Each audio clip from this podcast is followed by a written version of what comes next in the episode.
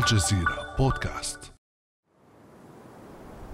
أهلا وسهلا بكم جميعا إلى هذه الحلقة الجديدة من برنامج بعد أمس للجزيرة بودكاست، بعد أمس تحدثنا فيه في الواقع كثيرا في سلسلة حكاياتنا. تحدثنا عن المونديال قبل وخلال تنظيم المونديال، سنتحدث في هذه الحلقة عن ما بعد المونديال عن إرث المونديال مونديال قطر 2022 ما الذي سيبقى من هذا المونديال لقطر؟ ما الذي سيبقى للعرب؟ وما الذي سيبقى للعالم ولكرة القدم العالمية؟ ماذا سيترك من أثر للإنسانية؟ نستضيف في هذه الحلقة الأستاذ الكابتن أيمن جادة الكاتب والإعلامي والمحلل الرياضي. أهلا وسهلا بك كابتن أهلا وسهلا. تفضل أن نناديك أبو خالد. الله يحييك يا مرامي. أبو خالد ما الذي سيبقى من إرث المونديال من هذا المونديال كإرث للإنسانية لقطر للعرب للعالم؟ ولنبدأ بقطر. الحقيقة أنه يعني إرث كبير سيبقى بالتأكيد لأن هذا الحدث أولا كان حلما تحول إلى مشروع وطن وطموح أمة وتم إنجازه بنجاح كبير. تحقق على الأرض. ما كان البعض يراهن على صعوبة تحقيقه أو استحالة تحقيقه أو عدم إمكانية تحقيقه تحقق. وتحقق بأفضل الصور. وتحقق بأحسن ما يمكن. لدرجة أن رئيس الفيفا نفسه السيد إنفانتينو قال إن هذه أفضل نسخة من كأس العالم. هنا لا مجال للمجاملة لأنه يتحدث عن مقارنات لبطولة يملكها الفيفا. يعني هي نسخة جديدة من سلسلة نسخ نظمها الفيفا على مدى 22 بطولة. فأن تكون هذه البطولة باعتراف الفيفا هي الأفضل هذا في حد ذاته أمر يثلج الصدر ويوحي بمدى نجاح قطر في مقابلة هذا التحدي وفي إنجاز هذا التنظيم على أعلى مستوى ممكن وأفضل صورة ممكنة. من هنا يمكن أن نتحدث عن التراث الذي سيتركه هذا الحدث لأنه بالتأكيد أن الموضوع سيتغير ما بعد كأس العالم. النظرة ستتغير بعد كأس العالم. المفهوم سيتغير ما بعد كأس العالم. لأن كأس العالم عندما فازت قطر بتنظيمها. كنت أتحدث مع زملاء عن موضوع قيمة هذا الحدث وحجم هذا الحدث. كان البعض ينظر إليها أن بطولة كأس العالم هي مجرد بين قوسين حدث رياضي كبير أكبر مما اعتدنا أن نشاهد أو نستضيف في منطقتنا. المسألة ليست كذلك. كأس العالم لكرة القدم بدون أي مبالغة هي أكبر حدث جماهيري على مر التاريخ البشري. لم تجمع الإنسانية على الاهتمام أو الحب أو التجمع بهذه الأعداد الهائلة وفي هذه الفضاءات التي هي الملاعب وخارج الملاعب ومناطق المشجعين وإلى ذلك ناهيك عن الاهتمام الإعلامي الكاسح في أقصى الأرض من أقصاها إلى أقصاها بهذه بالمناسبة لك كتاب في هذا الموضوع. نعم أنا أصدرت إصدار في هذا الموضوع. فبالتالي نحن نتحدث عن أكبر حدث إنساني أكبر حدث فيه تجمع بشري. أكبر حدث رياضي. حدث أجمعت الناس على حبه والاهتمام به بحيث يغطي على أي حدث آخر. لذلك عندما تنجحين في تنظيم هذا الحدث بامتياز فبالتأكيد الإرث الباقي بعد ذلك هو إرث كبير وإرث ضخم متعدد الأوجه سواء منها الجانب المعنوي الجانب القيمي الجانب المادي الجانب الرياضي. أه خلينا نبدأ بأثر المونديال. لنبدأ بقطر ثم نذهب إلى العالم. بالتأكيد قطر ما بعد المونديال تختلف عن قطر ما قبل المونديال. قطر بعد المونديال أصبح بإمكانها أن تقول إنني أنا واحدة من 22 محطة استضافت أكبر حدث في تاريخ العالم. لكن ماذا يعطي هذا لقطر؟ أنا سأقول لك اليوم عندما نتحدث عن بداية بطولة كأس العالم نقول إن البطولة الأولى جرت عام 1930 في الأورجواي من 92 سنة ما زلنا نذكر الأورجواي ما زال الفضل ينسب للأورجواي أنها أطلقت بطولة كأس العالم. الأورجواي دولة صغيرة كانت هي الأصغر في استضافة كأس العالم لكن قطر أصغر من الأورجواي أصبحت قطر هي أصغر دولة تستضيف البطولة سكانيا ومساحة. أضيفي إلى ذلك أن كل دولة استضافت كأس العالم خلدت اسمها في التاريخ. العالم يذكر أن تشيلي استضافت عام 62 أن المكسيك استضافت عام 70 أتحدث عن دول بين قوسين مغمورة نوعا ما ليست شهيرة لا أتحدث عن دول عظمى لا أقول ألمانيا يعني إنجلترا فرنسا شهرة. إيطاليا تلك الدول استضافت كأس العالم واستضافته أكثر من مرة وهي مشهورة أصلا مشهورة في كرة القدم ومشهورة في مجالات أخرى في الصناعة في الاقتصاد في السياسة وهذا, في وهذا يعزز أيضا موقع الدولة بالضبط. جيوسياسيا بالضبط. أنا تابعت مقال لأحد الصحفيين الغربيين يقول لو مثلا الكويت كانت استضافت المونديال ربما ما كان يجرؤ صدام حسين أن يغزو الكويت هنا نعود بالزمن للوراء. ثلاثة عقود. وهو افتراض وافتراض وارد. لذلك أنا أقول لك إن قطر بعد المونديال هي غير قطر قبل المونديال. قطر بعد المونديال تستطيع أن تقول أنا نظمت كأس العالم أنا نظمت أفضل نسخة من كأس العالم وبالتالي أنا دخلت التاريخ وصنعت التاريخ وكتبت التاريخ وأصبحت من الممكن أن أصنف ضمن الدول العظمى في كرة القدم بدون أي مبالغة. أقول هناك دول عظمى طبعا نعرف في السياسة هناك أعضاء الخمس الدائمين في مجلس الأمن الدولي هناك دول كبيرة صناعيا اقتصاديا عسكريا لكن رياضيا الدول الكبرى الدول العظمى قد تكون من العالم الثالث لأن البرازيل والأرجنتين على سبيل المثال هما من الدول العظمى في كرة القدم بحكم قوة كرة القدم في منتخباتهما الوطنية وفرقهما ونجومهما. قطر الآن بعد تنظيم كأس العالم تستطيع أن تقول إنها أصبحت من هؤلاء. وماذا يقول العرب؟ العرب اولا أعتقد حصلوا على جرعة كبيرة من الثقة بأننا نقدر. إذا كانت قطر الأصغر تقدر فإن الآخرين أيضا يقدرون. المهم يعني قطر فتحت باب الأمل نعم. أمام الدول العربية. نعم.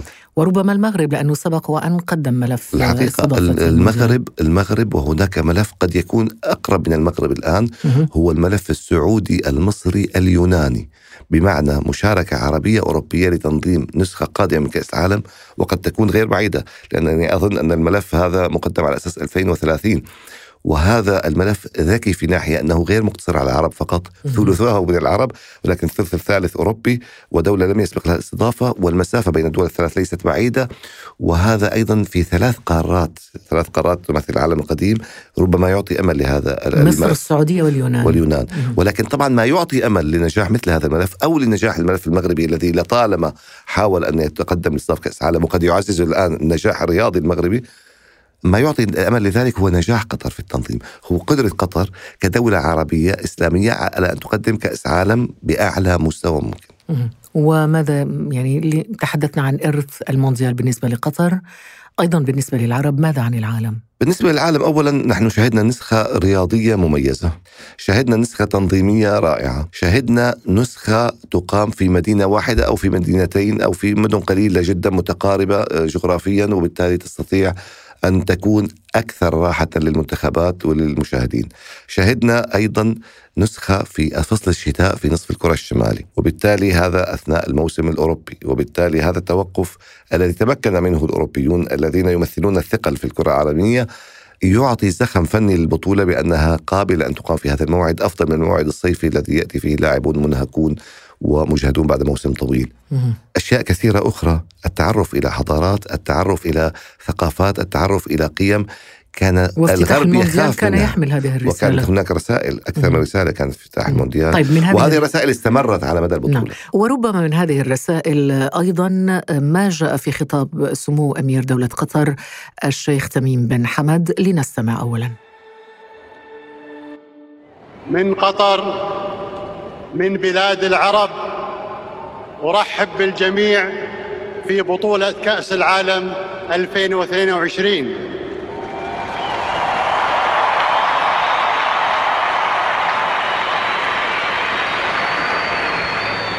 لقد عملنا ومعنا كثيرون من أجل أن تكون من أنجح البطولات. بذلنا الجهد واستثمرنا في الخير للإنسانية جمعاء. إذا استثمرنا في الخير للإنسانية جمعاء. هنا بعد إنساني عالمي. نعم. هنا أيضا يمكن أن ننظر إلى الرسائل التي قدمها هذا الخطاب وحفل الإفتتاح الذي كان مرافقا لهذا الخطاب. الرسائل كانت تعني أننا كبشر يجب أن نتواصل. يجب أن لا ننظر إلى اختلافاتنا ولكن ننظر إلى تشابهنا. يجب أن لا نخاف من بعضنا بعضا. يجب أن لا ننظر إلى تلك الصور النمطية التي رسمها إعلام مغرض عن الآخرين. لذلك حتى حفل الافتتاح كان يقوم على حوار مع الآخر. حوار قدمه شاب قطري وغانم المفتاح الذي يعاني من متلازمة صحية جعلته يبدو غير مكتمل للآخرين. هو يمثل قطر ليس فقط إنه قطري بل لأن الآخرين يعتقدون أن هذا الشخص ناقص أو غير مكتمل وغير قادر على أن يقوم بإنجاز يقوم به الأسوياء. يعني هناك رمزية في بالضبط. الموضوع. وللتالي بأنها الرسالة تقول لا هذا الشخص قادر على أن يقدم انجازا متكاملا وأن ينجح كما ينجح الآخرون. وبالتالي نحن نتحدث هنا عن مجموعة رسائل. قضية الإسلاموفوبيا قضية النظرة للشرق بأنه متخلف قضية النظرة للعرب بأنه أمة تعيش في الصحراء ولا تعرف أي شيء من مفردات الحداثة. كل هذه الأمور. وهنا دخلنا في الإرث المعنوي. بالضبط. ما هو الإرث المعنوي الذي سيتركه المونديال؟ سيتركه على عدة أصعدة أولا بالنسبة لقطر وللعرب إذا دمجت هي جرعة عالية من الثقة لأننا أثبتنا فعلا أننا قادرين على أن نقدم أعلى نسخة على مستوى العالم من هذه البطولة هي أيضا جرعة فيها الخبرة لأن من يقدر على أن ينظم كأس العالم بهذا النجاح يقدر على أن ينظم أي حدث أو أن يتصدى لأي تجربة إنسانية كبيرة. يعني أنا لا أعتقد أن الألعاب الأولمبية ستكون مستعصية على قطر انها ضمن برنامجها. والألعاب الأولمبية برأيي أصبحت أقل حجما من كأس العالم وأكثر سهولة في تنظيم من كأس العالم رغم التعقيدات التي فيها. آه هذا أيضا يعطي جرعة ثقة للعرب والحقيقة أنه لحسن الحظ تواكب وتوازى النجاح القطري في التنظيم في الاستضافة في تقديم هذه الرسائل في في القيام بكل ما يجب القيام به لمكافحة كل المضايقات التي تعرضنا لها على مدى هذه السنوات والحروب الكلامية ترافق أيضا مع نجاح رياضي عربي، شاهدنا المنتخبات العربية تتألق في هذه البطولة، شاهدنا السعودية تفوز على الأرجنتين، شاهدنا في تونس تفوز على فرنسا بطلة العالم، شاهدنا المغرب ينتصر على بلجيكا وعلى كندا وعلى إسبانيا إذا هنا تزاوج ويصل تزاوج إلى نجاحين، نعم. نجاح قطر في التنظيم ونجاح المنتخبات نعم. العربية في الأداء. نعم، وهذا جاء لحسن الحظ أن المنتخبات العربية استثمرت لاعبها على أرض عربية وبين جمهور عربي كما لو كانت كلها تلعب في أرضها وبالتالي نجاحها الرياضي الفني الذي ربما لم يتوصل إليه الفريق القطري لظروف ما هذا النجاح تواكب مع نجاح قطر في التنظيم آه، ليعطي التكامل في الصورة وليعطي هذه الجرعة الإضافية من الثقة بأننا قادرون. نعم وفي تعزيز أيضا المنظومة القيمية الإسلامية من خلال منع الخمور نعم. و نعم. اللغط نعم. هذه هذه قصة أخرى أيضا. هذه قصة أخرى بحيث أننا وجدنا أن الحرب الكلامية ضد قطر بدأت من اليوم الأول تقريبا لكنها تصاعدت حتى بتوقيت دعيني أقول بأنه توقيت لا أخلاقي أو لا مقبول لأنك كيف. إذا كان هدفك من النقد أن أتحسن فأنت تنصحني وتنقدني بنقد بناء. لكن إذا كان هدفك من النقد هو التخريب فأنت تفعل ما فعلت بأن تتكلم أيام قبل البطولة. وحتى بعد أن بدأت البطولة عن هذه النقاط. أنا ليس في يدي شيء أصححه إذا كنت تعتقد أني مخطئ فيه. فبالتالي أنت ما تطرحه هو طرح مغرض هو طرح يقصد الإساءة ولا يقصد الإصلاح ولا يقصد البناء هو يقصد الانتقاص من الآخر. علما أن هذا كان مغرضا وغير صحيح. وجاءت الشهادات من الغرب نفسه من أكثر من إعلامي غربي من أكثر من رياضي غربي. تحدثوا وقالوا تعالوا إلى قطر وشاهدوا أن كل هذا الهراء الذي كنتم تتفوهون به لا أحد هنا يفكر به أو نعم. ينظر إليه وإنما الأمور تسير سيرا حسنا، موضوع منع الخمور على سبيل المثال قد يصبح سابقة عالمية لأننا شاهدنا هذا من قبل؟ هو موجود في بعض الملاعب تحديدا في دول أوروبية وفي دول متعددة من العالم، لكن بالإجمال مسموحة هذه العادة الذميمة وهي ذميمة نحن لا علاقة لنا بمعتقدات الآخرين أو بعاداتهم لكن ما أقصد أن تناول الخمور قبل وأثناء وبعد المباريات يؤدي إلى حالات من السكر حالات من العربدة حالات من الخروج عن طور وبالتالي اشتباكات. شاهدناها في نهائي اليورو في لندن شاهدناها في نهائي دوري أبطال في باريس أتحدث عن آخر نسخة. شاهدناها في مناسبات كثيرة وبالتالي السيطرة عليها تكون صعبة جدا. وكثير من المشجعات الغربيات الإنجليزيات الأمريكيات قلنا بأن هذه أفضل نسخة لنا في كرة القدم أن نكون آمنات وأن نستمتع بالكرة بدون مضايقات في البعد المعنوي أيضا كابتن أيمن موضوع المثلية كان هناك محاولة للي ذراع قطر من خلال م. وزراء يعني نعم. مسؤولين نعم. في دولهم مثل نعم. وزيرة الداخلية الألمانية وزيرة الخارجية البلجيكية من خلال وضع الشارات من نعم. خلال المنتخب نعم. الألماني نعم. وحركة تكميم الأفواه. تكميم الأفواه وغير ذلك. أنا أعتقد هذا نعم. يدخل أيضا في البعد المعنوي. نعم يدخل وأنا أعتقد أن هذه المسألة كلها تبدو كأنها صبيانية أو تبدو ساذجة بطريقة غير معقولة وغير مقبولة من دول يفترض أنها دول متحضرة ودول سبقتنا اقتصاديا علميا إلى آخر ذلك. إذا كنا طبعا لست أنا الشخص المناسب لأناقش هذه الظاهرة اجتماعيا وطبيا ونفسيا. لكن إذا تحدثنا ببساطة من خلال منظور كرة القدم هل هؤلاء أو هذه الفئة من البشر هل هم أساسيون في كرة القدم؟ هل لهم دور؟ أنا أريد أن أعرف ما هي العلاقة بين هؤلاء وبين كرة القدم كلعبة بين هؤلاء وكأس العالم كبطولة يا أخي إذا كان هذا اتجاههم مرضهم معتقدهم ليس من الشرط أن يفرضوها على الآخرين. إذا كنتم تطالبون بديمقراطية فجزء من الديمقراطية أن تسمحوا لي أنا أن أمارس أيضا عاداتي وثقافاتي في أرضي وفي بلدي. لماذا تحاولون فرض قيمكم علي التي أرفضها ويمجها مجتمعي ويرفضها أبنائي ولا اريدها لاهلي وناسي؟ ثم ما علاقة أقول مرة أخرى ما علاقة هؤلاء بالأمر؟ ما علاقة المثلية بكرة القدم؟ لماذا يصرون على هذه النقطة وكأنها وكأنها كارثة وكأن كأس العالم لا يمكن أن تقام بدون؟ ثم لماذا لم تذكر هذه المسألة في بطولات سابقة. ولنأخذ روسيا مثالا الدورة الأخيرة قبل دورة قطر كانت في روسيا. ونعرف الآن ماذا يحدث في روسيا حيال هذه الفئة وماذا صحيح. تصدر من قوانين ومن سحب في الشوارع وإلى آخر ذلك. فبالتالي تشعرين أنها لا أقول كلمة حق هي كلمة باطل أريد بها باطل. مفتعلة. نعم. نعم. طيب تحدثنا كابتن أيمن عن الإرث إرث المونديال. انسانيا وطنيا بالنسبة لقطر عربيا وعالميا ومعنويا. وسنتحدث عن هذا الإرث المونديالي أيضا ماديا. ولكن هناك نقطة أيضا أنا أعتبرها من أجمل صور ما سيتركه المونديال في نفوسنا وهو الإرث القومي نعم. والتمسك بالقضية الفلسطينية ووجود الراية الفلسطينية في الملاعب في المدرجات. يعني حتى داخل المستطيل الأخضر هناك من دخل زي مثل هذا اليوتيوبر التونسي الذي اقتحم المستطيل الأخضر دخل إلى الملعب وهو يحمل العلم الفلسطيني مثل اللاعبين المغاربة أيضا لاعبي المنتخب المغربي الذين حملوا العلم الفلسطيني بعد فوزهم هذا كله أليس إرث قومي عروبي نعم. فلسطيني والحقيقة أولا لابد أن نشكر الغربيين الذين حاولوا أن يقحموا شعاراتهم التي نراها خاطئة وبالتالي هذا سمح لنا أن نقحم شعاراتنا التي نراها محقة. فإذا كان مسموحا لهم هم أن يتحدثوا عن ذلك أو يشيروا إلى تكميم الأفواه أصبح من حقنا أن نرفع راية فلسطين وقد رفعت في كل الملاعب وهتف باسمها وأن نقدم نموذج رائع عن التضامن العربي.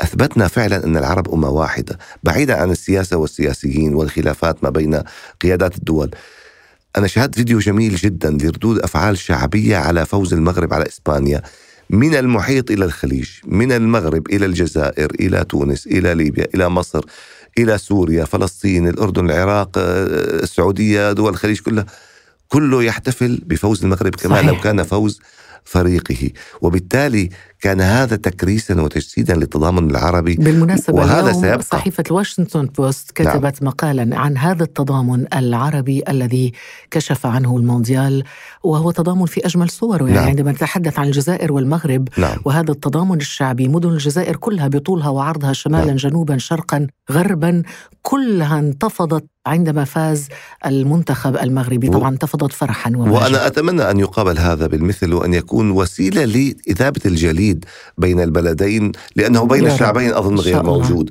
لأن في النهاية عندما ننظر إلى خلافاتنا نجد أن ما يجمعنا أكبر بكثير وأعمق بكثير وأهم بكثير وأصدق بكثير. وفي نهاية الأمر أنا أقول لك بأن فكرة أن كأس العالم في قطر وقد قررها أمير قطر كررها الأمير الوالد الذي كان صاحب الفكرة الأساسية في استضافه هذه البطولة لجعل قطر على كل لسان في العالم ونجح في ذلك.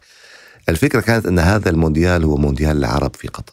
وتذكر يعني ما تحدثنا السنة الماضية عن كأس العرب كان هو المونديال العربي لتجربة ملاعب كأس العالم. المونديال المصغر. هذه المرة نعم هو المونديال الكبير، لكنه أيضا كان مونديال العرب لأنه نجح عربيا ومعنويا بالنسبة للعرب ولقطر يعني ورياضيا تقريبا وأيضا صحيح؟ تضامنا عربيا على أعلى مستوى بالضبط. صحيح. كأس العرب كانت حلقة جميلة بصراحة نعم. أنا أتذكرها وفعلا كانت بروفا جميلة للتضامن العربي هذه البطولة طيب تحدثنا عن الإرث المعنوي القومي الرياضي. ماذا عن الإرث المادي كابتن أيمن؟ يقال بأن الدولة التي تريد أن تنظم بطولة أو حدث رياضي كبير يجب أن تعيد بناء نفسها. لدرجة أن تشيلي عام 62 وقد ذكرتها سابقا في هذه الحلقة عندما استضافت كأس العالم تعرضت قبل فترة حوالي سنة ونصف أو سنتين لزلزال مدمر. فبالتالي كان هناك اجتماع في الفيفا من أجل مراجعة أن تبقى البطولة مسندة لتشيلي أو تسحب منها. رئيس اتحاد تشيلي كرة القدم خاطب الفيفا وقتها بالعبارة التالية أرجوكم اتركوا لنا كأس العالم لأننا لا نملك شيئا. يعني تخيلي أنت لما أي تروحي سنة كانت 62 طبعا هي ما قبل 62 بسنة ونصف أو سنتين مم. يعني ب 60 يمكن. يعني أنت تخيلي أنت الآن تذهبي لكأس العالم الفيفا تقولي أنا أعطوني كأس العالم لأني سأبني كل شيء سأعمل كل شيء بدكم إياه. لكن أن تقولي أني أنا لأن ما عندي شيء أعطوني كأس العالم هذا في تناقض. لكن هو كان نداء إنساني. مم. لأنني سأستعين بكأس العالم للتعجيل في البناء. سأستعين بكأس العالم لتساعدني على إعادة بناء نفسي. وهذا ما حدث هذا ما حدث في بالنسبة في قطر أيضا. في قطر طبعا قطر الدولة لديها رؤية لديها خطة لديها هدف في 2030 استراتيجي. فبالتالي كأس العالم سرعت في هذا الاتجاه. كأس العالم يجب أن تبني لها بنية تحتية رياضية وبنية تحتية مدنية متكاملة وهذا طبعا أهم إرث يمكن أن يبقى بعد البطولة طيب ما هذا الإرث المتعلق أو الإرث المادي متعلق بالملاعب والمنشآت ماذا سيحدث له بعد المونديال؟ نعم. سيبقى سيذهب سيفكك سيتصدق به. ماذا طبعا من نافذة القول أن تسألينني عن الإرث البنية التحتية العامة لأنها هذه موجودة لأن المطار لأن المترو لأن كل هذه المرافق تستخدم لكأس العالم ولما بعد كأس العالم. وأيضا ربما تجعل من قطر قبلة سياحية في المستقبل، لكن بالنسبة للأرث الرياضي تحديدا هذه المركبات أو الملاعب الضخمة أكيد هي أكبر من حاجة قطر في الأحوال العادية. وبالتالي المنظمين أعتقد أن لهم رؤية.